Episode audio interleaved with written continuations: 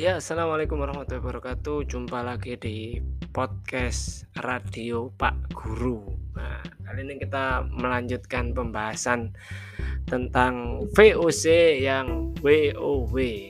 Nah, yang jadi pertanyaan, mengapa VOC itu mudah banget kaya? Ya, VOC itu kan cepet kaya. Apakah dia melihara babi ngepet made in Amsterdam? Nah, tentu jelas bukan seperti itu, guys ya. Yang jelas eh, ini terkait dengan posisi geografis dan politik Belanda di Eropa pada masa itu. Jadi guys eh, Belanda itu kan dia negara yang kecil. Eh, eh, ketika negara-negara besar kerajaan-kerajaan besar di Eropa itu tumbuh mulai dari eh, Jerman atau yang disebut juga uh, Romawi ya atau Romawi Suci kekaisaran Romawi Suci. Terus kemudian ada Prancis dengan dinasti Merovingian. Kemudian ada Inggris yang berhasil menguasai eh, Irlandia dan Skotlandia dan Wales. Kemudian muncul kekuatan Spanyol yang dari gabungan Aragon dan Castilla dan berhasil menggasak kekuatan kesultanan-kesultanan Islam di Andalusia dan juga ada Portugal. Nah, Belanda ini eh, bisa dikatakan ini negara kecil. Ya levelnya mungkin eh, setingkat kabupaten ya. Di mata kerajaan-kerajaan besar itu Belanda itu eh, saya setingkat kabupaten ya. Makanya kemudian Belanda itu nanti eh, dia itu tidak memiliki kekuatan besar ya. Apa di ketika era penjelajahan samudra dimulai eh, Belanda ini tidak memiliki kekuatan besar. Dia hanya eh, sebuah negara yang kecil. Ya ya ya tadi ya dia dipandang oleh kerajaan-kerajaan besar itu eh, levelnya selevel kadipaten tapi dia bebas. Mungkin kalau di di Nusantara itu kalau di kita itu nanti seperti Pakualaman di Jogja dan uh, apa nama Mangkunegaran di Solo. Jadi itu uh, levelnya kan kadipaten atau kabupaten ya, kabupaten tapi independen. Itu dulu di di Eropa itu ada. Uh, nanti ketika era penjelajahan besar ini dimulai, nah Belanda ini uh, dia uh, hanya bisa melihat dari jauh ya ketika negara-negara Eropa itu bersaing. Mereka kan awalnya dimulai dari 1453 ketika Muhammad Al-Fatih berhasil menguasai Konstantinopel dan mengubahnya menjadi Istanbul dan salah satunya itu menutup e, pasar rempah di yang ada di Istanbul di Konstantinopel. Nah, ini berpengaruh pada naiknya harga rempah-rempah. Kemudian negara-negara ini bersaing. Ya, yang paling diuntungkan waktu itu itu adalah e, Portugal dan Spanyol. Kenapa? Karena Portugal dan Spanyol ini sangat dekat dengan tahta kepausan eh, penguasa de apa ya penguasa de facto-nya Eropa waktu itu. Ya, kenapa Spanyol dan Portugal ini jadi anak emasnya eh, kepausan?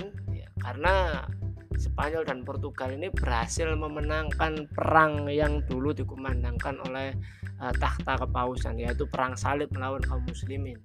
Ya, kita tahu Portugal dan Spanyol ini memiliki andil untuk mengusir uh, kekuatan Islam di Eropa yaitu kesultanan-kesultanan di Andalusia. Nah, makanya kemudian mereka ini dapat anak emas. Nah, Spanyol dan Portugis ini nanti bersaing dengan uh, Inggris. Ya, nah, Inggris ini dia ini sebuah kerajaan besar, tapi dia ini hubungannya dengan tahta kepausan itu nggak baik. Ya, ya kayak hubungan ente itu ya ya yang dengarkan ini. Ya, karena nggak baik akhirnya jadi jomblo terus. Ya jadi hubungannya tuh nggak baik ya. bahkan eh, raja Inggris itu eh, gereja di Inggris itu ditalak tiga oleh eh, takhta kepausan. Maka kemudian Inggris ini eh, nanti mengembangkan armadanya eh, sendiri ya untuk meng, menyaingi eh, Portugal dan Spanyol sepak bola oke okay lah Inggris itu Liga Inggris masih uh, apa di atasnya Liga Portugal dan Liga Spanyol. Nah, ini kok malam belakrak ke sepak bola. Oke tapi seperti lalu di mana posisi Belanda? Belanda ini diuntungkan. Dia mungkin uh, hanya cicing baik ya ketika wah ini gimana? Kekuatan nggak ada. Tapi Belanda itu kemudian diuntungkan karena Belanda uh, secara uh, faktual waktu itu tidak terlibat peperangan dengan ya perperangan dan persaingan dengan negara-negara besar tersebut ya makanya dia ini uh, uh, santai gitu banyak warga-warganya itu yang bisa kerja di mana saja. Banyak orang-orang Belanda itu yang bekerja di Spanyol, di armada Spanyol, bekerja di armada apa namanya? di armadanya Portugal, ada juga yang uh, bekerja di armadanya Inggris. Jadi mereka tuh uh, ke mana-mana karena ibaratnya uh, selama dia megang KTP Belanda waktu itu, dia itu bebas ah orang-orang Portugal, orang Spanyol, orang Inggris uh, tidak menaruh curiga. Orang Belanda mah santuy ya silakan silakan ente ikut boleh. Ya boleh bekerja di perusahaan saya. Ha, uh, itu uh, menjadi keuntungan uh, nantinya ketika uh, Belanda itu memutuskan untuk ikut dalam persaingan mencari uh, sumber utama rempah-rempah. Nah, gimana ceritanya? Nah, ini menarik juga. Sistem politik Belanda waktu itu itu juga berbeda dengan uh, Portugal, Spanyol, Inggris, Prancis, Jerman itu berbeda. Kenapa? Karena tadi ya eh, Belanda itu kan dia bukan bukan dia bukan kerajaan besar. Tadi sistemnya itu uh, duk ya duk. Walaupun nanti itu di masa berikutnya ada raja, ada ratu kan. Nanti di abad ke-20 itu ada ratu Wilhelmina.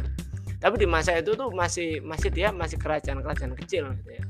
Uh, apa ya setingkat tadi ya setingkat levelnya itu uh, duk atau kadipaten dan sistemnya itu juga bukan sistem kerajaan murni karena kemudian uh, Belanda itu ada yang mengatakan di masa itu uh, mereka ini adalah uh, semi republik bahkan kalau kita buka sejarah Belanda itu menyatakan waktu itu adalah sistemnya Republik Batav ya Republik Batav ya, yang nanti kemudian mengilhami uh, JP Kun untuk uh, menamai Jayakarta itu dengan Batavia ya. Karena ini ya Republik Batav karena dia sistemnya seperti ini maka eh, kekuasaan raja itu tidak terlalu menghegemoni, tidak terlalu berkuasa penuh seperti negara-negara lain.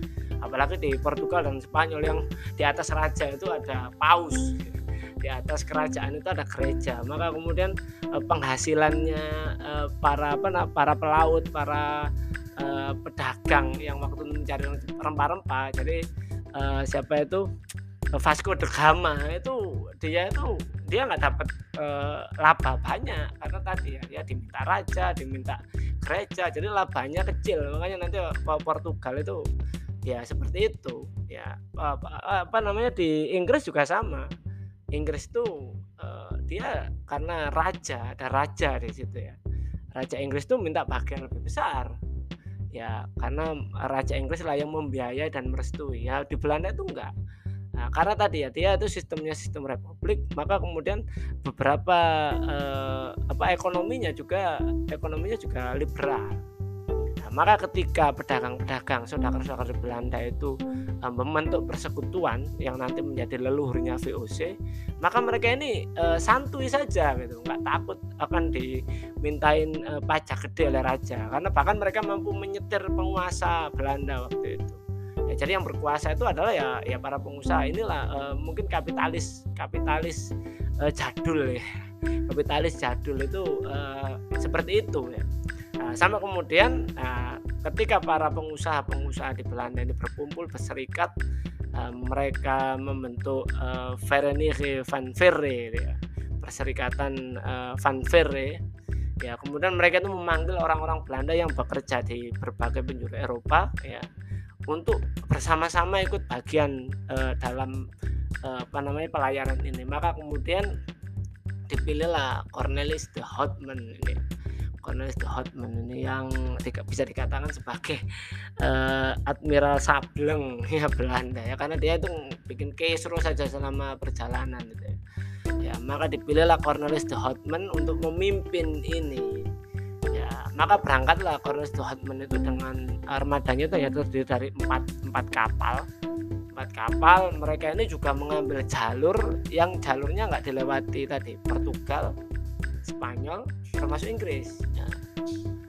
makanya nanti itu eh, apa namanya mereka itu dari eh, Afrika Selatan itu ngambil jalur itu agak nekat jadi jalur full samudra. Jadi Afrika Selatan dari Tanjung Harapan mereka tuh langsung bablas ke timur sampai nanti tembus-tembus itu di Selat Sunda. Makanya kemudian dikisahkan di sejarah Belanda itu langsung nyampe di mana? Di Banten. Nah di Banten inilah uh, untuk pertama kalinya orang-orang Belanda ini datang mereka ber, apa namanya berjual beli rempah-rempah. Walaupun waktu itu Cornelis de Houtman itu niatnya uh, pengen langsung ke sumbernya ke sumber rempah-rempah di Maluku. Sayang sekali ya kenapa? Alasannya karena tadi di Banten itu kan tangan kesekian jadi harganya sudah harga pasar bukan lagi harga produsen. Ya sayang sekali karena kelakuan Cornelis de Houtman yang uh, kalau kata orang Surabaya ngwaplei ya ngwaplei pokoknya jan ngaplei ya akhirnya ya seperti itu nasibnya. Tapi gara-gara uh, ini mereka hanya berhasil membawa yang pulang itu hanya satu kapal. Ya pulang ke Belanda ke Amsterdam itu satu kapal tapi labanya labai gawat deh gitu ya. Besar sekali labanya itu WUWY konon katanya laba dari jual beli rempah-rempah pertama ini mampu untuk dibelikan 40 kapal. Ya makanya nggak salah kemudian Belanda ini datang ke sini. Dulu labanya kok bisa besar? Nah, itu pertanyaannya yang kesekian kan. Kok labanya bisa besar? Ya tadi. Karena sistem ekonomi Belanda yang bukan di bawah raja, bukan di bawah paus, tapi langsung dipegang oleh para pengusaha. Maka labanya itu bisa mereka dapat penghasilan keuntungan yang luar biasa besar dan diputar. Ya, dan pada akhirnya nanti e, mereka ini bisa mempengaruhi e, negara ya, mempengaruhi pemegang kebijakan di kerajaan Belanda. Maka tidak salah nanti VOC itu punya apa ya?